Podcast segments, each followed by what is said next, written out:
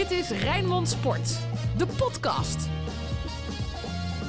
95 minuten en 21 seconden, Dennis en uh, Sinclair. Ik ga er iets korter over doen als jullie het niet erg vinden uh, vandaag. Maar dat doe ik natuurlijk op die goal van uh, Louis Sinistera. De stem bij jou hersteld, Sinclair? Ja, ja, moet je dan zeggen. Ja, ja nee, uh, die is wel hersteld. Uh, want het was maar één doelpunt. Uh, er zijn wedstrijden dat je soms wat vaker echt helemaal uit je dak kan en moet gaan.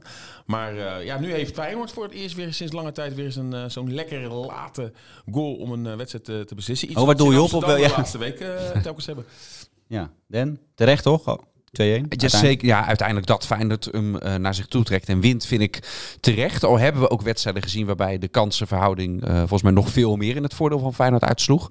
En ik had ook wel het gevoel, vanaf het moment eigenlijk dat, dat we zagen die zeven minuten blessuretijd, hè, dat Nijhuis de woord bij daad uh, voegde, of de daad bij het woord voegde. Ja. Maakt niet uit, spreekwoorden mm -hmm. moet, moet, je met mij niet, niet met woorden en daden is lastig ja, precies, hè, voor Dennis. Ja. Vanaf het moment dat, we, dat ik die zeven zag, had ik eigenlijk al het gevoel van het gaat nog gebeuren. En toch waren er niet in die fase heel veel kansen of, wat dan ook. En ik moet zeggen, die zeven minuten vond ik eindelijk een keertje uh, ja, overdreven misschien.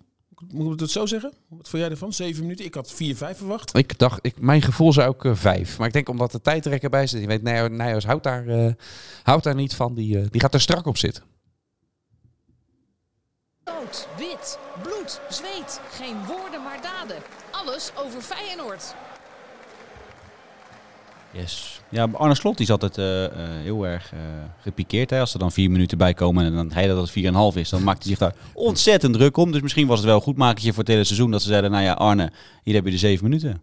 Ja, Nijhuis ook. Hè? Die maakt dan toch zijn eigen regels in die wedstrijd. En vooraf ja, het was een prachtig zonnetje, uh, volle kuip. Dan ga je al eerder zitten dan misschien normaal. En dan ga je genieten. En dan zie je Nijhuis.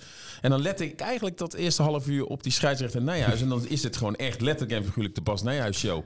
Dan gaat hij met gele en rode kaarten richting het publiek gaat hij wapperen. Uh, hij wil met iedereen uh, een, een, praatje maken. Hij doet niet echt een warming-up. Ja, op het laatst. Maar zijn assistenten die minder hoeven te lopen. De grensrechters die zijn wel echt met een serieuze warming-up bezig. Ja, en ik moet zeggen, hij fluit gewoon wel altijd goed. Al moet je wel eerlijk zijn, het zijn wel hele andere regels... als dat je naar andere competitiewedstrijden kijkt met wat er mogelijk is. En ja, ik denk dat andere scheidsrechters er ook uh, veel minder tijd hadden bij gedaan. Maar hij denkt gewoon, ja, nou, tijdrekken, dat neem ik mee, dat neem ik mee. Dus uh, dat, vond ik wel goed. Ja, maar vloot toch prima naar juist verder.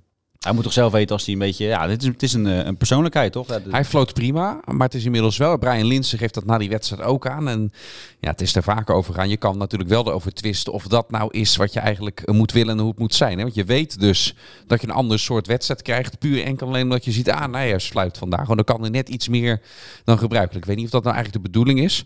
Al, ja, zit, ook... al zit ik zelf en ook, uh, en ook heel veel spelers... die vinden eigenlijk die lijn van Nijhuis... heel veel spelers vinden dat juist wel de lijn die fijn is. Dus misschien is het juist wel andersom als hoe deze discussie over hem vaak gaat. Misschien is het niet zo dat Nijhuis te los is. Misschien zijn al, al, al die andere scheidsrechters te strikt. Maar daar zal de scheidsrechtersbaas in Zeist uh, anders naar kijken. Er loopt ook de scheidsrechter bij, die geeft wel eens penalties tegen Feyenoord, toch? Die, uh, die loopt er ook wel eens. Uh, ja. Wat opvalt is dat Feyenoord, en Feyenoord is wel dominant, hè, heeft na Ajax en PSV de meeste doelpunten gemaakt, pas twee penalties dit seizoen gehad. Hè. Als je ja. naar die lijst kijkt, staat Feyenoord één na laatste. Terwijl je Moeten ze vaker in de 16 nee, komen, is mijn Normaal gesproken is het verhaal dat scheidsrechters makkelijk een penalty geven in de Kuip. Maar dat, dat lijkt zeker nu met de VAR, maar überhaupt toch wel wat uh, gelogen gestraft. Want twee penalties maar. En Feyenoord staat zwaar onderaan. En drie keer raden wie op nummer 1 staat. Begin met een A. nee, maar, maar, maar, maar, maar Lins of uh, Dessers bijvoorbeeld, die dan een paar momenten had. Waar dan een penalty voor gegeven kon worden. Dat, ja, dat... Nou, ik vond geen, achteraf geen penalties. Op de radio nee. denk je in eerste instantie misschien van wel. Ik kijk meestal die wedstrijden na. Ik vond het ja. geen penalties. Ik ging het ook nog extra nakijken, omdat er in, uh, in de persconferentie na afloop ging het er ook over. Hè, van het was allemaal wel heel erg licht. Uh, of sorry, het, het, was wel degelijk contact bij Feyenoord twisten ze. Nou was, het, nou was het dan toch een strafschop geweest? Ik vond het ook van niet. Ja, want in de eerste helft, hè, uh, einde eerste helft, dat Emiel Schel was bij ons de radio, zei ja, je kan hem gewoon geven hoor, want uh, Dessers wordt opgevangen echt. Terwijl ik, maar ja, misschien jullie ook wat zo hadden van ja, Dessers loopt daar gewoon tegenaan, toch? Ja, nee, ik, ik vond geen penalty. achteraf... Um, ja, er zijn heel misschien scheidsrechters die hem, die hem geven. Maar bij Nijhuis weet je al zeker dat hij hem niet geeft. Dus die, dat moet je dan ook in de ogenschouw nemen. Maar, uh, terwijl dat niet zou mogen. Maar ja, nee, ik vond geen penalty. Oké, okay, nou ja. Even weg van alle scheidsrechters en alle beslissingen. Uh, um, Feyenoord wordt nu gewoon, uh, gewoon derde, toch? Dat weten we natuurlijk nog niet zeker, want het staat nog steeds heel erg dicht bij elkaar. Ik had wel meteen het gevoel, en in het verslag sprak je dat volgens mij ook uh, een beetje in de euforie sprak je dat al meteen uit, van dit zijn dan net twee extra punten, zo voelt het, die aan het eind van de rit wel eens ja, dan beslissend kunnen zijn. En zeker omdat AZ dan, waar AZ ook een handje van heeft de laatste jaren in zo'n slotfasewedstrijd, daar ze toetrekt, die pakken dan ook die drie punten tegen Herenveen. En als Feyenoord dan eigenlijk zo'nzelfde tikkie teruggeeft, want de concurrentie kijkt natuurlijk ook mee. Uh, en dat gat blijft dus uh, wat dat betreft even groot als dat het was. Ja, dan, dan kan dit aan het eind van de rit inderdaad het beslissende gat zijn geweest. Al ja, moeten we ook eerlijk zijn, je krijgt natuurlijk nog PSV ja. thuis. En als het er nog vol omgaat met, met Twente thuis in een onderlinge confrontatie, kan dat nog spannend worden. Dus het is uiteraard nog geen voldongen feit dat plek 3 is veiliggesteld. Maar ik zie dit Feyenoord eigenlijk als een te stabiele ploeg. Um, om dit weg te geven. Ik vind dit wel heel voorbarig. Want eh, als dat doelpunt van Sinistera niet valt, dan zitten we met een hele andere nood. Maar dat is precies de strekking, hè? Nee, maar Fortuna, bijvoorbeeld tussen die twee wedstrijden Marseille in, dat vind ik echt een instinct. Ik zie Fortuna de laatste weken spelen. Ik heb ze vorige week tegen Sparta gezien. Daar moet Feyenoord echt aan de bak. En PSV thuis, drie dagen nadat Feyenoord in Marseille heeft gespeeld met mogelijke verlenging, daar ga je uh, uh, mogelijk ook puntenverlies tegen leiden. Of, of puntverlies tegen leiden. Maar deel je niet mijn mening dat dit Feyenoord, uh, en ze trekken er uiteindelijk toch weer naar zich, naar zich toe ook, um, dat dit Feyenoord wel, wel dermate stabiel is, dat je de verwachting, ik acht de kans groter dat Feyenoord het, het volhoudt als dat dit Feyenoord ja, opeens maar dat is wel anders. Net was je toch wel stelliger. En ik bedoel, uh, in, bij RTV Oost uh, kijken ze naar Twente, die de laatste 20 of 21 wedstrijden maar één keer heeft verloren. Die zullen diezelfde opvatting hebben. Die, die zien ze de laatste vier wedstrijden misschien ook geen wedstrijden verliezen. Dus uh, ik vind het te makkelijk om nu te zeggen. Dat is echt nog wel een strijd gaande. Zeker. die Feyenoord al ja. eerder had moeten beslissen. En mogelijk tot op echt op de laatste wedstrijddag dat ze van Twente en AZ Zeker met PSV. En ik vind Fortuna, dat daar moet iedereen echt niet overheen stappen tussen die twee wedstrijden Marseille in. Feyenoord gaat nog wel proberen om misschien die wedstrijd eruit te halen. Hè, omdat ook Feyenoord wel beseft dat het eigenlijk gewoon een hinderlijke onderbreking Fortuna. is. Die wedstrijd tegen Fortuna, daar gaat Feyenoord nog proberen een beroep op te doen bij de KNVB. Al wordt dat een heel lastig verhaal, omdat de competitieschema eigenlijk helemaal vol zit. Maar, um, is het nog afhankelijk van het resultaat donderdag? Uh, Nee, wat het, nee, wat het moet voor die tijd dan al beklonken Maar, maar, okay. maar stel het wordt 0-3, dan zou je misschien... Uh... Maar, maar waar, ik ook nog aan, uh, waar jullie misschien ook aan voorbij gaan... is dat je de laatste weken wel ziet dat ineens... en daar heeft Feyenoord heel het jaar is Feyenoord gevrijwaard van blessures... maar de laatste week tikt hij aan, hè? Ja. En Senesi weten we nou ook nog niet helemaal. Het ziet er wel gunstig uit in de aanloop naar Marseille... maar met, met Til, met, met, met Toornstra, Bijlo eerder al... Feyenoord kan niet te veel hebben, hè? En er komen nu een paar wedstrijden. En, en, en daar gaat Feyenoord natuurlijk op een hoge intensiteit spelen in zijn halve finale. Waar je ook Jaan Baks die eruit is. Dus dat moet je ook in oogschouw nemen. Hè? Uh, een, een heel fit Feyenoord had ik misschien wel nu een 100% op plek 3 gezet. Maar ja, het is natuurlijk lastig. Je gaat ook op twee. Uh, als Feyenoord derde wordt, is de kans uh, aannemelijk. Um, dat het groepsfase Europa League haalt. Ja, of anders play-offs Europa League. Of anders play-offs Europa League. Ja. Uh, dat hangt Feyenoord... er weer vanaf als een heel complex uh, ja, uh, met Leicester City hangt staartje. Ook, dat hangt er inderdaad vanaf ook hoe, waar Leicester eindigt in de Conference League. Ja, ja en, maar als Feyenoord de Conference League wint, dan hebben ze ook groepsfase Europa League.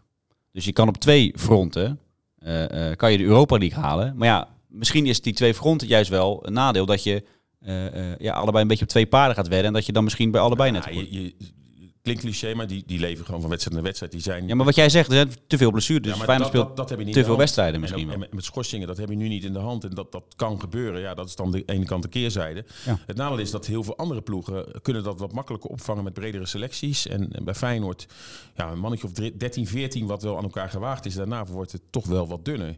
Dus daar, uh, ja. daar zit hem wel de, de crux in. Maar je, je gaat nu niet zeggen, we gaan Marseille op halve kracht doen. Onbewust ga je misschien wel die Fortuna-wedstrijd. Maar ja, Feyenoord gaat nu vol, vol, vol, volle bakken donderdag in. Nee, dat snap ik. Maar ik bedoel meer dat het... Kijk, ze gaan allebei vol in. Maar je ziet dus nu dat het misschien te veel is. Dus ja. dat je, je hebt maar nu tot nu twee toe, hè, het gedachtegoed van slot, en dat is al vanaf de voorbereiding toen ik hem in Oostenrijk bij de trainingskamp sprak, toen legde ik dit voor van, uh, uh, omdat hij in het weekend, uh, had hij toen ook heel serieuze oefenwedstrijden en midweeks kreeg hij dat Conference League programma erbij zeggen en, en steeds met dezelfde ploeg. Dat ik zei, blaas je, zo'n, blaas je die spelers dan niet op. Dat je straks in de slotfase van het seizoen allemaal blessures heeft. En zijn gedachte uh, goed uh, is dat het juist niet het geval is. Want hoe meer je dat er dus insleept, hoe meer wedstrijden je laat spelen, hoe makkelijker spelers daaraan gewennen.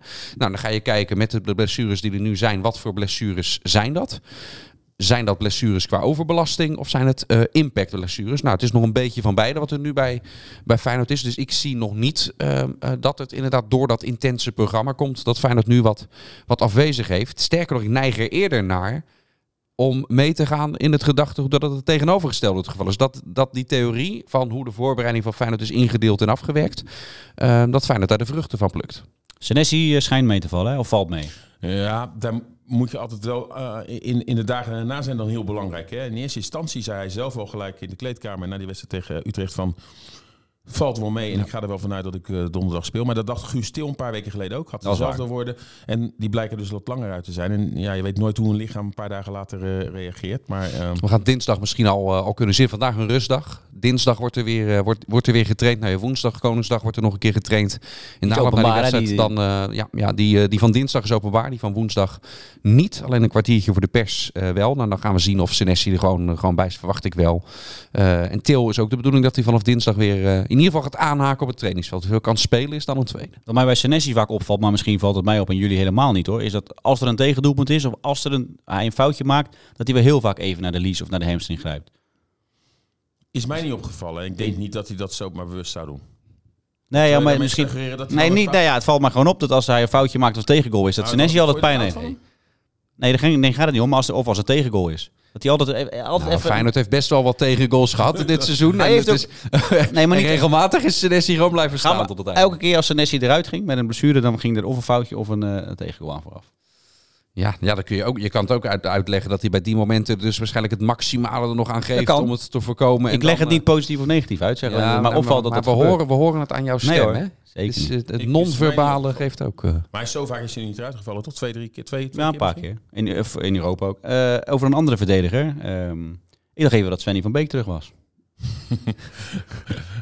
Dit is de humor van Jan Jaap over Mike van Noord.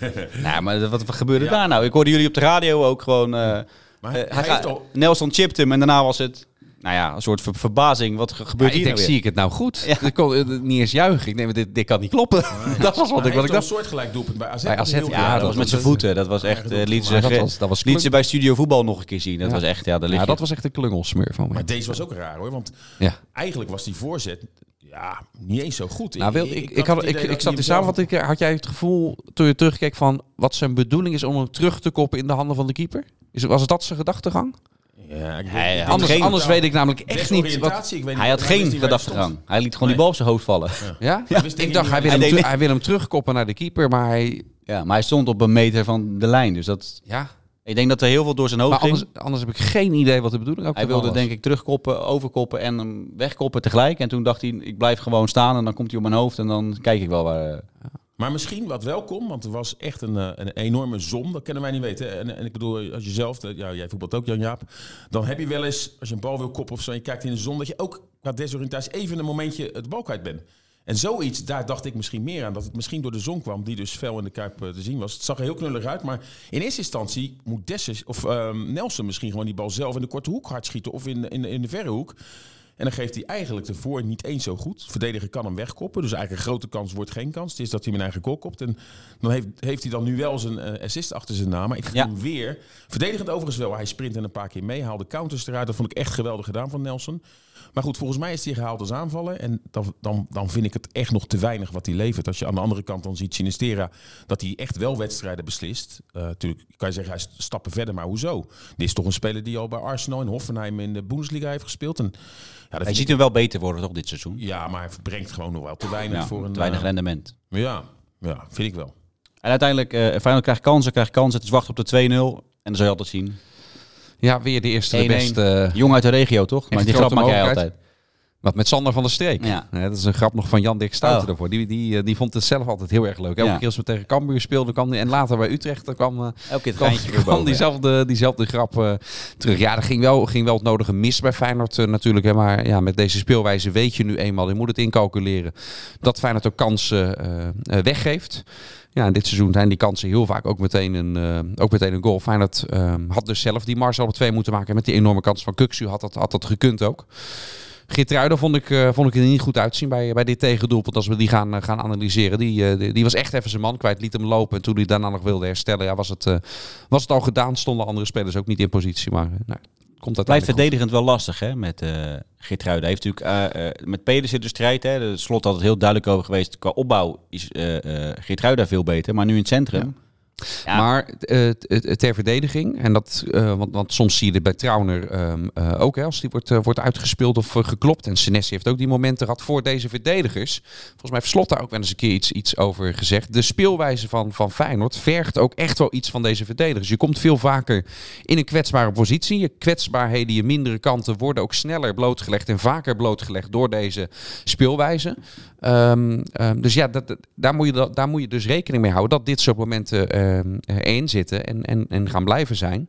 Ehm, en dat gaat ook in heel veel situaties, eh, vind ik ook Geertruiden, ook defensief, vind ik hem echt wel stappen maken en, eh, en beter worden. Als je kijkt naar, ehm, naar vorig seizoen bijvoorbeeld nog, hè, hoeveel momenten we toen ook hebben, hebben gehad en, en dit jaar dan, dan zit daar echt wel een stijgende lijn in, vind ik. Hij scoort alleen minder hè, dit jaar. Vorig jaar scoorde hij er geloof ik zes. Ja, nou, misschien heeft het een met het ander Ja. te maken dat het defensief dus eh, beter gaat. Het is misschien gek om dat in deze podcast te zeggen terwijl hij bij de tegengoal dat het niet zo goed, goed uitzag, vond ik. Ja, maar misschien gaat hij iets minder vaak. Want ik, ik kan me wel herinneren dat advocaat hem wel eens naar achteren schreeuwde. Als hij dan weer in de laatste minuut. Het zat ook in die docu volgens mij, toch? Ja, in de laatste minuut dan nog naar voren ging terwijl het 1-1 stond. En dan werd de advocaat helemaal gek. Eh, dus misschien heeft hij, eh, heeft hij daar wel van geleerd. Toch? Ja. Wat nog wel grappig is, wil ik wel even benoemen. Of grappig is het niet, maar Feyenoord weet wel waar ze mee aan de slag moeten. Hè? Ik bedoel, Feyenoord had in het verleden altijd dat het vaak tegen de, de ploegen rond Feyenoord... en eigenlijk ook in topwedstrijden goed presteerde. Maar tegen de kleintjes liet Feyenoord eigenlijk het bijna altijd afweten. Nu is het helemaal andersom. Nu heeft Feyenoord de ploegen eronder. Nou, Vitesse, eh, daar hebben ze eh, twee keer van verloren. Tegen AZ en nu tegen Utrecht. Dat zijn de ploegen die ze dan wel winnen. Maar allebei hij, of Utrecht uit ook verloren. hè? Nee, maar even, ik heb het over Ja? deze. Allebei in de allerlaatste seconde, weten ze nog. AZ thuis die 1-0 en dan nu. Wat ook gelijk een spel had kunnen worden. Uit allebei inderdaad verloren bij Utrecht en eh, AZ. Groningen allebei niet gewonnen. Dus dat Vitesse zijn- allebei niet gewonnen. Ja, dat hij Oh, die had je al gezegd. maar, maar daar valt dus wel, eh, alleen PSV uit is, is gewonnen. Maar daar valt dus nog wel heel veel winst te behalen. Hè? Dat, dat het tegen de ploegen net daaronder, dat Feyenoord daar wel beter moet. Want het is geen toeval dat we dit statistiekje, de, de, de twee die dus gewonnen zijn, zijn echt in de allerlaatste minuut gewonnen. En tuurlijk is Feyenoord beter geweest. In, in, uit- alleen Utrecht denk ik uit niet. Maar aan alle andere wedstrijden hadden we wel zoiets, ja, als je een ploeg moet aanwijzen. Maar dat verschil, dat mag niet zo zijn eh, als, als hoe het er nu voor staat. Nee, en hoe kan dat dan? Want eh, ehm, is het dan omdat Groningen, Vitesse en zo allemaal een beetje hetzelfde spelletje spelen als die ploeg onderin, maar dat Feyenoord dan met die ploeg onderin gewoon beter is en dat, eh, dat het verschil met Vitesse, AZ, Twente, eh, dat het Utrecht, dat dat misschien niet zo Nou groot ik, is. ik denk die onderste ploegen tegen deze strijdwijze van Feyenoord, die trekken ook een muur op. Maar uiteindelijk is het kwaliteitsverschil dan zo groot, dan, dan, dan wint Feyenoord ze. Mhm. Ja, en dat kwaliteitsverschil ehm, is dan dus kennelijk eh, met die teams bij de bovenste acht, met de, de Utrecht, Vitesse, AZ, noem ze allemaal op, is dat eh, verschil dus niet, ehm, eh, niet dermate groot nog dat Feyenoord die wedstrijden dan structureel naar zich, naar zich toe haalt. En ik denk dat het ook te maken heeft met dat Feyenoord te weinig spelers in huis heeft. Zoals een Sinistera die dit soort Ja. wedstrijden moeten openbreken. En, en Sinistera doet het dan nu ook, maar daar is vaak dan creativiteit voor nodig. En dat ontbeert deze ploeg nog. En we hebben wel in heel veel van die wedstrijden heel veel kansen gezien die er absoluut in moesten. Dus daar moet dan ook dan, ja, toch wel eh, moet ook meer rendement uit de kansen wo- worden gehaald. Maar met name denk ik dat het hem zit in een creatieve speler die zo'n wedstrijd openbreekt. Wat je toch bij andere topclubs vaak wel kan hebben, waardoor zo'n wedstrijd makkelijk verloopt en je wel gewoon met 3-4-0 van Groningen wint of van eh, Vitesse met 2 of 2 of 3-0. Type Payet. om het bruggetje, even, Nou, om het bruggetje even te Opa- maken. Opa Payet, 35, maar oké. Ik vond dat altijd een geweldige voetballer. Maar Marseille wordt, ik heb een beetje idee dat Marseille ook, kijk, ik kijk niet heel veel de Franse competitie, maar die worden ook nu wel echt gedaan alsof Real Madrid langskomt, toch? Nou, het is toch bij far de sterkste tegenstander in Ja, is de? Conference League die Feyenoord nu tegenkomt. En als jij eh, achter eh, Paris Saint-Germain bent, maar ja, Messi, noem alles daar maar op. Als jij tweede staat in een sterke competitie, dan kan je wel wat. En er zitten wel wat jongens die bij Arsenal hebben gezeten, eh, Napoli, heel veel ploegen, topploegen. Dus het het is wel een gelouterde ploeg. Ja, eens? Ja, natuurlijk, ja, volledig mee eens. Ja, ja. Maar waar liggen maar dan- ik, maar ik merk niet, ja, dat wordt dat, eh, jij zegt alsof Real Madrid langskomt. Volgens mij is niemand die dat zegt. Sterker nog, er wordt eerder vaak wat denigrerend over die Conference League gesproken dan dat er op deze manier. Nee, maar niet over Marseille, want ik hoor overal van, ja, dat is wel een hele goede ploeg. Daar, daar Is maakt er ook een hele goede ploeg? Ja, ik heb niet zo goed Maar, beeld nee, maar die, dat- die zin die jij er nu achteraan doet, die hoor ik niet zo vaak. Van dat Feyenoord geen kans tegen zou maken. Volgens mij ook heel vaak wel de nuance van dit huidige Feyenoord. Zeker ook in de Kuip met die eerste wedstrijd. Volgens mij ook heel veel mensen ook zeggen, maar ik, moet- ik moet het nog wel zien hoe ze zich gaan houden. Maar dat dit de sterkste tegenstander tot nu toe in dit seizoen is, dat is ook logisch als je in de halve finale staat. Ja, eh, dat is duidelijk. En dat Marseille wel favoriet is. Hebben jullie enig zicht op hoe, hoe, hoe spelen zij? Wat is hun spelletje? Eh, kan Feyenoord daar eh, goed tegen spelen? Met, spelen ze met vijf verdedigers, vier Ja, verdedigers? nou, die Sampioli. Sampioli is die Argentijn. Die, die bondscoach is geweest voor Chili. En die houdt er eh, heel erg van, ook met opkomende mensen. Ja. Ze is een voorbeeld geweest voor heel veel Europese trainers. Ook die Bielsa, die uh, Langbora Leeds, dit jaar overigens ontslagen, speelt ook zo. Met, met, met, met name met opkomen, met veel lopers. En dan hebben ze gewoon eh, in Payet natuurlijk iemand die ook gewoon echt elke kans eh, eh, die die krijgt bij wijze van spreken afmaakt. Geweldig schot. En dan hebben ze eh, veel lopers. Dus ja, daar moet Feyenoord wel rekening mee houden. Eh, toch ook een spelstijl die ja, moeilijk eh, op anticiperen is. Maar ik heb ook het idee dat, dat de speelstijl van Feyenoord... al die Europese tegenstanders waarop we voorhand zeggen van... nou, eh, ik moet het zien. En dan, dan wint Feyenoord van Slavia, van Partizan. Dan zegt iemand, iedereen van ja, eh, die tegenstanders kunnen er niks van. Maar die zijn in de eigen competitie of ook Europees vaak lang ongeslagen in hun eigen stadion. Dus ik denk dat ook Feyenoord speelwijze gewoon erg moeilijk te bespelen is voor die clubs. Dat ze ook wel eens ja, gewoon de oplossing niet in huis hebben om, om, om Feyenoord af te stoppen. En tegen Marseille. Marseille ziet een beetje ehm, wat Feyenoord ook heeft. Heel veel tegenstanders. De manier om zich te wapenen tegen hoe Marseille speelt. Dus ook inderdaad door een muur op te trekken. Door Marseille het voetballen onmogelijk te maken. Door te voorkomen dat die backs er overheen kunnen komen. Dat is waar Marseille vaak mee te maken heeft. Zij krijgen nu in de Kuip ook opeens een tegenstander. Wat ze niet vaak gewend zijn. Hè? Want Feyenoord gaat gewoon zijn eigen spel. Zij gaan ook proberen om Marseille zelf af te bluffen. En dan kan het altijd twee kanten op gaan. Marseille speelt zich onder die druk van Feyenoord uit. En laat zien eh, hoe goed ze zelf ook kunnen voetballen. Dan gaat Feyenoord misschien een heel vervelende avond hebben. Het kan ook de andere kant op werken. Doordat Marseille dat niet gewend is. En we weten hoe die sfeer in de Kuip kan zijn. Dat als het Feyenoord lukt. En zij weten zich er geen raad mee. Dat ga je in de eerste helft misschien al zien. Dan kan het een hele leuke avond opeens worden. Ja, Voor daar, Feyenoord. daar, wil ik, daar wil ik nu even eh, naartoe. Want los van alle sportieve en hoe goed Marseille is en hoe goed wie dan ook is, of Feyenoord kans maakt. Het is fantastisch. Eind april, begin mei. Feyenoord zit nog in Europa. Ja. Eh, er komt een, een wedstrijd om 9 uur aan. Ja, eh, heb je enig idee wat je kan gaan verwachten? Nou ja, ik heb het meegemaakt in 2002. eh, toen ik ook al bij Rijnmond werkte. eh, ja, hoe die hele campagne en hoe het ging leven. Met name na de halve finale. Hè. En, en, en, en, dat begint nu langzamerhand begint dat ook eh, te komen. Dat echt, ik heb ook heel veel mensen die denken dat ik een, eh, geen reporter ben, maar een ticketservice. Die aan mij om, eh, om kaarten beginnen te Ah vragen. joh, Sink, ah joh. Dat kan jij wel regelen. Ja. Maar ja, het begint echt. En mensen dat ik dacht van dag van volgens mij weet jij niet of er lucht of zand in, in, een bal, in een bal zit. Ehm, die in mijn optiek nooit naar het stadion gaan, maar die willen er allemaal bij de zijn. Ajax-supporters komen een beetje bovendrijven. Het, nee, het begint echt te leven. En ja, over een aantal jaar dan zullen we misschien pas echt doorhebben dat Feyenoord gewoon echt aan een unieke prestatie bezig is. En ik denk dat deze generatie Feyenoord-spelers ook zelf nu door kunnen hebben. Want dit kan wel eens ons hoogtepunt uit de carrière worden. Ik bedoel, Linsen en alles, hè, met alle respect voor. Altijd een beetje provincieclubjes en alles. Nou, ja, dit kan misschien wel zijn hoogtepunt worden. En het kan ik nog wel meerdere spelers eruit halen. Voor wie dit, ja, eh, eh, die gaan tegen Marseille natuurlijk zichzelf helemaal laten zien. Want dit kan achteraf, net als we in de tijd hebben gehad met de Powers, de Van Hooijdonks en alles. Die ja, uiteindelijk nog altijd hebben we het over die UEFA Cup. Ja, het is wel bizar toch hoe eh, eh, eh, wij zijn bezig met die podcast. Jij eh, eh, eh, met Sjoerd voornamelijk. Ja. Dat het zo parallel loopt dat eigenlijk Ja, nu dat is weer wel bijzonder hè. nu Ja. ook Feyenoord-Inter. Ja, Feyenoord, ja, Inter is wel heel goed. Maar dat, weet je, het is nu weer Marseille. Het is eigenlijk ook weer een halve finale dat Feyenoord echt een keer een tegenstander tegenkomt waarvan iedereen zegt, wauw, dat is echt een goede ploeg, toch? Dat, dat het zo parallel, dat, Ja, en ook de kwartfinale is parallel. Want toen tegen PSV, eh, weet ik in, in die podcast in de kwartfinale werd toen, ja, het is echt wel 50-50 is dit. Nou, dat bleek ook uit Ja. die wedstrijden. Twee keer 1-1. Nu tegen Slavia Praag lag het natuurlijk ook, eh, lag het dicht bij elkaar waren toen, eh, toen de prognoses. Dus ja, er zitten heel veel parallellen in. Het is ook weer zo'n mooi verhaal, ook rondom, rondom Feyenoord. Stel ze flikken het uiteindelijk, en dat, dat is dichtbij, maar ook nog steeds ver weg om dat toernooi te winnen. Het is voor het eerst dat dat toernooi er is. Ehm, als er dan een Nederlandse club is die dat dan opeens zou flikken, ook historisch gezien, ja, dan is dat Feyenoord. Want elke Europese prijs die door een Nederlandse club gewonnen is, was, was Feyenoord was altijd de eerste erin. De supporters zijn er trots op. Het is dan bijna ook haast geen Bizar toeval dat dat, dat, dat, ja. dat weer... Ja, het zou bizar... echt bizar zijn als ze meteen zijn. de eerste pakken. Ja. Nou, Feyenoord is sowieso de eerste Nederlandse vertegenwoordiger in de Conference League halve finale. Dus die prijs ja. heeft Feyenoord sowieso Ja. ook alweer binnen. Maar ja, dan wil je hem winnen ook. Alleen eh, eh, toen, in 2002 natuurlijk finale in de eigen Kuip. Nu zou een finale in eh, Tirana gespeeld gaan worden. Moeten we er al over praten? Nee. Ja. nee. Nee. Waarom niet? Nee, eerst Marseille. Het pa- nee, Er ondanks, zijn dat, wel veel supporters. ondanks dat niet vindt... eh, ik weet, supporters zijn al elkaar gesproken, maar die zeggen Maar er ook meteen... maar die, maar die alle hotels. supporters, en als ze dat bij jou ook doen, zeggen er ook meteen achteraan. Maar als we het niet redden, ga ik gewoon lekker op een stedentrip. Er zit wel een... eh, het maar is dat- geen ik hooghartigheid. ik het is eerder, eerder, eerder hebben. zuinigheid waarom Ja, ze al nee, geboekt Ik wil hebben. het niet over het sportief hebben, maar wel eh, dat het maar een klein stadion is. Ja. En er kunnen maar 3000 eh, supporters waarschijnlijk dan van Feyenoord mee en ook van de tegenstander. Zo weinig?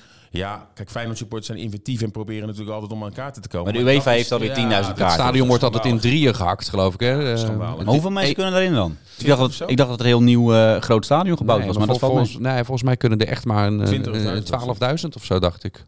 Huh? Mij was het 20, echt, maar echt Ik hoorde betrekkelijk wel dat er maar 3000 eh, van de ene en van de andere vertegenwoordiger kaarten gaan krijgen. Ja, volgens mij heb je er dus 3000 ehm, ehm, eh, van, van de echte supporters. En dan nog eens 6000 eh Bobo-kaarten. Dus kwam je rond de 12 uit, dacht ik. Ja, weet je wat je nu toch aan het doen bent? Ja, je, jij, jullie, jullie dwingen mij om over die finale te Ja. praten. Ik zeg, Gaat nu al over de kaarten voor de... Ja, eerst moeten de supporters nog naar Marseille. Hè. Daar komt volgens mij vandaag definitief uitsluitsel over of dat mag. Anders morgen. Want dat is ook nog niet helemaal 100% zeker. Maar ja, dat, daar zijn natuurlijk heel veel supporters die daar al vliegtickets of met de auto daar naartoe af gaan reizen. Dus eh, ja, dat Is dat nog een, dat is nog een, een beetje een donker wolkje, hè, wat er nog een beetje boven die wedstrijden hangt. De, de, de, supporters van, van Marseille, eh, eh, iedereen die ik spreek, die zeggen ook, ja, Marseille, verschrikkelijk, het is een super mooie stad, maar ook super gevaarlijk. Eh, eh, ehm, is, het, is het ook een gevaar als de supporters van Marseille, eh, weet je Nou, het nadeel is natuurlijk dat één dag voor Feyenoord Marseille hier we gewoon Koningsdag in Nederland vieren. En, Ja. en normaal gesproken zijn supporters al een dag eerder in de stad. Ja, dan kan ik me zo voorstellen dat ze hier. Nu is het wel zo dat veel Europese tegenstanders, de, de supporters daarvan vaak het zo leuk vinden om naar de hoofdstad te gaan. Dan heb ik zoiets, nou ga inderdaad daar maar Blijf daar maar. ja, ga maar lekker naar, ja, zeggen. En dan worden ze daar opgepakt, dan zien we ze ook een dag daarna niet in het stadion. Nee, maar... ehm, drie man- drie man in het uitvak. Nee, maar dat is denk ik voor de eh, lokale driehoek hier, is dat natuurlijk wel eh, ja, extra alert zijn komende woensdag op Koningsdag. Met eventueel toch Franse hooligans die hier eh, aanwezig zijn. Maar goed, laten we het even eh, niet te veel speculeren. Nou ja, maar, maar, vooral voor supporters die natuurlijk naar Marseille. Jullie gaan ook naar Marseille. Ik bedoel, eh, het is toch, het is toch een, wat ik zeg, een beetje een wolkje dat, dat daar een beetje boven hangt van. Iedereen die mij aanspreekt erover, die wel eens eh, daar is, is geweest. En ook de nodige journalisten die zelfs nog bij het WK in 98 daar zijn geweest. Die vertellen eigenlijk hetzelfde verhaal. Hè, van eh, ja, wees wel voorzichtig ook in die stad. Eh, zakkenrollers. Heel veel. Hè, dus zeker in de, late, in de latere uren als het begint te schemeren van... ja, toch maar niet in je eentje rondlopen. Ik heb zelf altijd een beetje daarbij ook van... Ja, dat zijn ook dingen, of er nou wedstrijd is of niet, ook een beetje je gezond verstand altijd, altijd gebruiken. Maar ja, laten we, laten we vooral hopen dat het goed gaat. Ik vind eh, met betrekking tot het legioen en dit Europese seizoen eh, dat het gepast is om, eh, om aan de voorkant daar gewoon positief naar uit te kijken. Omdat tot nu toe, wij zijn er overal bij geweest. Of het nou Berlijn was of Belgrado, aan de voorkant waren er allerlei van dit soort verhalen. In het begin hebben wij daar ook aan meegedaan met artikelen van nou gaat het legioen zich gedragen en dergelijke. Ik vind dat er inmiddels ook wat krediet is opgebouwd in, eh, in deze campagne. Dat we daar in ieder geval aan de voorkant. En we gaan het volgen daar. We gaan erbij zijn. We gaan ook die sfeer peilen in de stad. Maar aan de voorhand om, eh, om daar gewoon positief in te staan. Ja, ik heb wel vertrouwen in het legioen, maar ik heb niet zoveel vertrouwen in die. eh, Nee, maar wat Dennis zegt, gezond verstand gebruiken. En in, in, in in de meeste steden waar je heen gaat, kan je bijvoorbeeld heel makkelijk met clubuitingen lopen. Ja, dan moet je daar bijvoorbeeld eh, Ja, niet doen. En zeker dat. niet als je met hele kleine groepjes daar, want dat, dat, dat is gewoon niet slim. En zo zijn er wel meerdere dingen. Vlaggen ophangen in de stad doen uh, Feyenoord supporters ook vaak. Ja, dat lijkt me daar ook niet slim.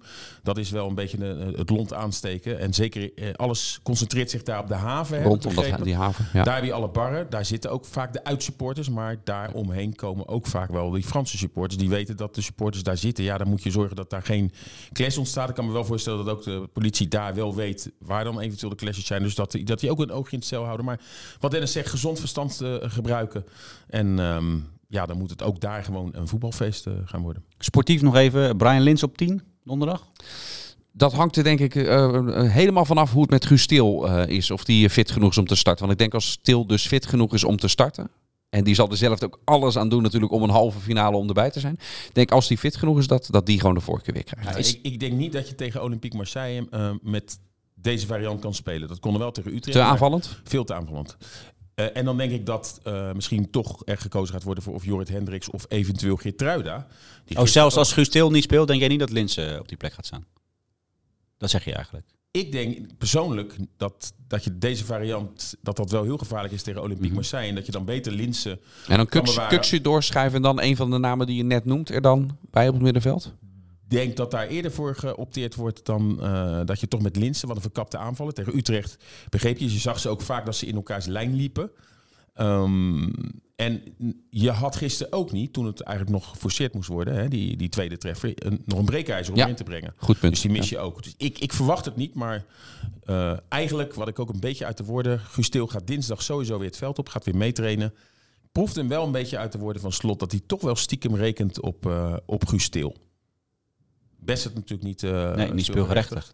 En Waljemark, ja, volgens mij is dat ook te aanvallend. eh, maar later in de wedstrijd zou dat wel kunnen hoor, op 10. Maar dat verwacht ik niet eh, van het vertrek. Tegen Slavia speelde ineens natuurlijk Linsen in plaats van Dessers. Is er zo'n variant? wordt dat misschien wel Zou kunnen. Zou kunnen. Ik weet niet wat de achterliggende gedachte... als hij dezelfde als toen tegen Praag al... leek het mij ook dat hij meer keek naar de kopie van die thuiswedstrijd Ja, tegen Praag eerder. Maar ehm, ja, ik, ik zou wel met Dessus beginnen en laten Linse heen brengen. Zeker Ja. met Dessus, eh, eh, die helemaal hot is in de Conference League. Volgens Ja. mij zijn ze ook bang daar voor hem. Die zien ook al die doelpunten van hem. En zeker na die twee die hij weer gemaakt heeft in Praag... ja, dan is het ook zuur, al is topsport zuur... om dan op basis van een... ja, het is ook om het even. Ja, maar daar gaat het natuurlijk nu even niet om. Maar het is half het, is, het is om het even. Als je nou echt een aanwijsbare reden hebt, maar ik, ik vind ze best wel soortgelijk. Hè? Allebei hard werken, eh, allebei ja, kunnen. kunnen? Alleen Dessers scoort gewoon makkelijker, toch? In ieder geval in de. Conference League. Ja. Dessers is er. In het Bij, seizoen zelf in de competitie. bij Dessers heb ik altijd het idee, die gaat het nog wel maken. En bij Linsen heb je ja, minder. Toch? Bij Dessers, die kan je gewoon 90 minuten staan en schiet hij er altijd wel eentje in. Maar goed, eerste seizoen In de in de in de Conference eerste seizoen zelf waren de cijfers van Linsen natuurlijk ook Ja, gewoon dat goed. klopt. Dat klopt. Hè, met de elf doelpunten de winterstop in. Alleen de tweede helft stokte het wat. En eh, ja, nogmaals, ze lopen elkaar, ontlopen elkaar niet zoveel. Ik, ik verwacht weer wel eerder Dessers. Al speelde die ook gisteren weer gewoon niet goed, hè. En tegen Heracles was ook niet goed. Een paar dagen toen voor die Had het na 17 Europese seconden al moeten maken. Ja, ja maar eh, ook in de rest van het vervolg. Wat ongelukkig, maar eh, ja, in de Conference League maakt hij, eh, maakt hij het wel, wel telkens waar. De Feyenoorder van de week. Tijd voor een rubriekje De Feyenoorder van de Week. Nou, Dennis, ontzettend benieuwd. Ja. Zullen we Louis Sinisterra noemen dan? Waarom? Omdat, nou ja, Oh. omdat hij bij een hoogstpersoonlijk in zijn Ja. eentje eh Feyenoord nog aan twee extra punten helpt. En, hij- en weet je wat ik juist mooi vind? maar ik word helemaal Je schiet, je schiet er wel vol. Ik word helemaal, ik vind het zo mooi. Zo mooi. Cassie nog, Louis Sinistera. Hij speelde helemaal geen goede wedstrijd. En dat was toen in, in Praag was dat eigenlijk ook eh, zo voor waar je de lat voor hem inmiddels hebt, hebt liggen. Maar dan is hij eh, uiteindelijk toch wel weer de grote man die het toch beslist. En dat is waar ik eh, de, de, de, echt goede vleugelspelers, die herken je daaraan. Als ze in hun mindere dagen dan uiteindelijk toch rendement hebben gehad bij een beslissend doelpunt. In het kampioensjaar van Feyenoord komt hij weer, want het is mijn stokpaardje zo'n beetje. Maar die, die, wat, Elia had zo'n seizoen. Soms speelde die, speelde als een krant. En wie heeft dan uiteindelijk toch de assist bij het belangrijke openingsdoelpunt? Is dan toch opeens Elia. Omdat hij maar bleef gaan en bleef proberen. Sinisterra begint ook langzaam aan naar dat eh, niveau eh, toe te gaan. Doordat hij in zijn mindere beurten dit seizoen eh, vervolgens ook heel belangrijk is. Ja, natuurlijk moet ik ook Sinistera eh, noemen. Maar ja, ik ga dan toch iets alternatiefs zoeken. Dan ga ik voor Dennis de Kloeze. En niet zozeer omdat hij het plan afschiet. Want ja, ik wil me niet voor of echt tegenstander noemen. Ik wil het beste voor Feyenoord. Wat wel belangrijk is, is dat er nu iemand zit die we nog niet hebben gehoord. Waarvan we denken, waar blijft hij? Maar als hij dan voor het eerst spreekt, en dat was vorige week bij die persconferentie. Dan vind ik dat daar wel eh, daadkracht wordt uitgesproken. En met name, en dat vind ik het allerbelangrijkste. En dat mis ik bij heel veel voetbalclubs. Dat er wordt gezegd, we gaan het nou eens gewoon lekker over voetbalclub, voetbal hebben de komende tijd. Want ik word eigenlijk wel een beetje moe. Al jarenlang door het gezeven rond het stadion, episode 943. En ehm, eigenlijk de uitspraak van... De komende tijd moeten we weer eens lekker gewoon aan voetbal gaan denken. Nou, die uitspraak zorgt ervoor dat Dennis de Kloeze voor mij eh, de Feyenoorder van de week is. Even Sinclair's oren dicht. eh, even je oren dicht doen. Dan denk je heel kort uitleggen. nog één keer uitleggen. Voor de 150ste keer eh, door deze microfoon, denk ik inmiddels. Eh, hoe de status eh, nu is. Doe het heel kort, want ik denk dat ook de, uh, de Feyenoorders nu- inmiddels een beetje, Ja. net als Sinclair, ontzettend moe gaan worden. Maar Het is nu wel redelijk, eh, redelijk duidelijk. In november viel het doek voor het, eh, voor het nieuwbouwplan binnen Feyenoord City al. Toen ehm, ging de club herijken. Eh, dat vreselijke woord gebruikten ze zelf. Gingen ze kijken, kan er toch nog een nieuwbouwplan, een van de renovatieopties. Deze week is, eh, is dus gebleken dat al, alle drie die plannen zijn, op dit, zijn niet financierbaar. En Feyenoord zegt, we blijven dus de komende jaren in de Kuip spelen. Daar zal wel noodzakelijk onderhoud aan moeten worden gepleegd. Hebben we het allebei ook in deze microfoon. het is geen renovatie, hè? dat is wel een belangrijk verschil. Hè? Het is geen renovatie, Nee, maar onderhoud, onderhoud. is, onderhoud is niet hetzelfde als Nee, maar dat, renovatie. dat wordt, verschil wordt dus natuurlijk niet... Kijk, renovatie is natuurlijk een, een, een, een, een grootschalige onderhoudsbeurt. Maar waar het nu om gaat, gaat gewoon om het noodzakelijk onderhoud dat er nodig is aan dat stadion. Denk dan bijvoorbeeld aan de toiletten, die worden steeds genoemd. Maar er zijn tal van veiligheidsaspecten rondom dat stadion die een upgrade moeten hebben. Er gaat toch ook gekeken worden of er qua horeca en inkomsten, of er nou een beter verdienmodel in deze Kuip te behalen is. Ik zou zeggen, ja, dat is mogelijk. Als je nu 350 mensen diner kan aanbieden, je moet toch op een of andere manier wel iets kunnen verbouwen, waardoor je dat op zijn minst kan verdubbelen en dus meer geld kan, eh, kan binnenhalen. Dus naar dat soort dingen zullen nu gekeken worden. En eh, grootschaligere plannen eh, de komende jaren zal Feyenoord daar niet over spreken. Wel over die focus op voetbal, maar wezen ook bedoelen meer transferinkomsten, meer succes op het veld. Ja, nou ja, daar zijn ze hard eh, naar op weg dit seizoen. Ik bedoel, als Feyenoord Dit in de seizoen gaat het League met, in finale ieder geval met eh, betrekking tot de Europese inkomsten. Het zijn nog geen Champions League gelden, maar Nee, heeft maar Feyenoord meer verdiend dan het in jaren heeft Ja. gedaan. En ik verwacht ook deze transferzomer dat Feyenoord meer gaat binnenharken dan in de afgelopen jaren. Maar moet ik ook eerlijk bij zeggen, dat is ook niet zo moeilijk. En komende week, de komende anderhalve week, dan kan Feyenoord heel veel waarde ja, precies. binnenhalen. Want nu, die scouts zitten nu in de halve finale, komen ze van die cl- clubs echt kijken. En die hebben dan een hele grote cirkel om Louis Sinistera. Die hebben een grote cirkel om de Nederlandse International Malasia. Kukju. En als ze in die wedstrijd tussen aanhalingstekens door het ijs zakken, hè, als het 0-4 wordt bij wijze van spreken, en, ja, dan, dan, dan zullen ze ze niet halen. En als ze eh, eh, overeind blijven, dan zal het bedrag alleen maar oplopen. Ja, het klinkt heel makkelijk, maar er wordt echt gewoon gekeken. Want vaak als eh, spelers uitblinken, eh, zeker in Nederland hebben we daar een houtje van tegen RKC. En dan, oh, oh die is zoveel miljoen waard. Maar er wordt toch echt gekeken naar A, je international? Eh, B, kan je het ook in de topwedstrijden en kan je het onder druk? Dus een bekerfinale of lang meedoen om de titel. Dan wordt ook gekeken van, nou, die speler kan dus onder druk presteren. Maar Europese kwart- en halve finales, ja, dan, eh, dan, dan kan de teller gaan lopen. En we hebben zat voorbeelden gezien van spelers die echt niet gehaald zijn... omdat scouts al jarenlang ze volgden. Neem die concurrent uit Amsterdam. Daar zijn echt die grote bedragen gekomen. Dat ze halve finale Champions League haalden. Hè, met de 70 miljoen die, 80 miljoen daar. En ja, bij Feyenoord gaan er gewoon spelers die al lang op het lijst staan. Die kunnen nu misschien bij een goede wedstrijd... kunnen ze zomaar eh, misschien wel twee, drie keer eh, meer opbrengen... dan dat ze hadden gedaan als ze eh, helemaal geen Europese succes hadden gehad. 2 miljoen per doelpunt voor Sinistera. Ik ben voor. Heren, de, dankjewel. Ik denk eh, dat wij heel erg gaan uitzien naar, eh, naar donderdag. Jullie doen een uitgebreid eh, verslag, denk ik. hè? Die wedstrijd zijn jullie niet over. Hè? Très bien. Oui. Mooi. Ga je dit in het Frans doen, de hele wedstrijd? Leuk. verder dan dit ga ik niet. Oh. eh, hoe zit het met je? Ik weet, jij kan heel goed, Hey, eh, jij kan heel goed Duits. Ja. Oh, ja, ja, maar dat... Zou ik, niet in het sta- zou ik niet in het stadion zeggen als ik jou was. Revoir. Ja, dat eh, hopen we over twee weken. Nee, ik ben één keer in Frankrijk geweest om aan te geven hoe slecht mijn, eh, mijn Frans is. Toen was ik bij het ontbijt en ik wilde gewoon een, Een een croissant. Ik wilde een glas water. Gewoon, hè, gewoon een glaasje water. Lo, Bij het is dat ontbijt, dat stond er niet. Ja, eh, dat stukje wist ik. Water Oh. is lo. Maar toen vroeg ik om... Je voudrais een glace de lo. En toen keken ze me aan alsof ze water zagen branden. en toen later werd door, me, door mijn inmiddels vrouw, toen vriendin, ingefluisterd. Ja, maar glas is ijs. Denk Oh. ik. Ik denk dat ze dat zei. Ik ben het inmiddels weer vergeten. Dus maar, maar een glas de lo, dat begrepen ze niet. Nou, voor, voor zover Dus, mensen nog eh, enig respect, voor zover mensen nog enig respect voor mij, eh, voor mij, eh, mij en mijn intellect hadden, is dat eh, nu Nou, als we definitief. toch bezig zijn. Heb jij een beter verhaal? Ik was in eh, Barcelona met Bob van Brugge, voormalig cameraman. Dat is. Spanje, hè? En die eh, wilde in zijn beste Spaans, want hij eh, had ooit in eh, Spanje een vakantiebaantje gehad. Hij, hij, hij, hij, wist, hij wist de Spaanse taal wel, was hij wel machtig. En toen probeerde hij een ijstie te bestellen. En uiteindelijk kreeg hij dan echt een warme ijsbeker. En dat werd dan gewoon in een glas met wat ijsblokjes geschonken. En toen kon hij gewoon zijn ijsthee gaan drinken. Uitstekend.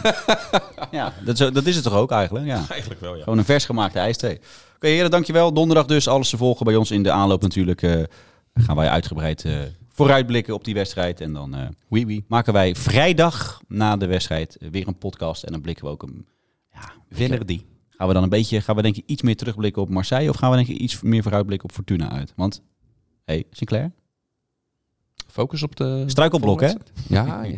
niet vergeten. Die moeten we niet vergeten. Dus dan moeten we toch even de Potentiële bananenschil. potentiële bananenschil even 20 minuutjes voor, uit, eh, voor uittrekken. Om even een eh, analyse te maken over, hoe heet die? Gian Fleming, hè? de belangrijkste man. eh En George Ulte, hè. er zat Henk grote- Vrezen trouwens naast. Die zei, nee, die, die moet Feyenoord, eh moet Gian Fleming halen. En dat hebben ze één keer met Mark Diemers gedaan. Ik denk niet dat ze nog een keer... En eh, jij hebt nog meer tijd nodig om af te ronden dan Frank Stoutmeester met deze podcast. Nou, ik eh. hoop wel dat hij erop staat. Moeten we daar ook nog een keer. Even kijken hoor. Rek, dat brandt niet, maar dat geeft niet, toch? Nou, we zitten als we nog 10 Als jij seconden nou, als jij hem nou zo nog een keertje indrukt, dan Mhm. is die klaar. Kijk, wacht even. Dan ga ik eerst even dit doen. En dan druk ik op een knopje. Ja. En dan moeten jullie allebei je mond houden. Oké. Dit was Rijnmond Sport, de podcast. Meer sportnieuws op Rijnmond.nl en de Rijnmond app.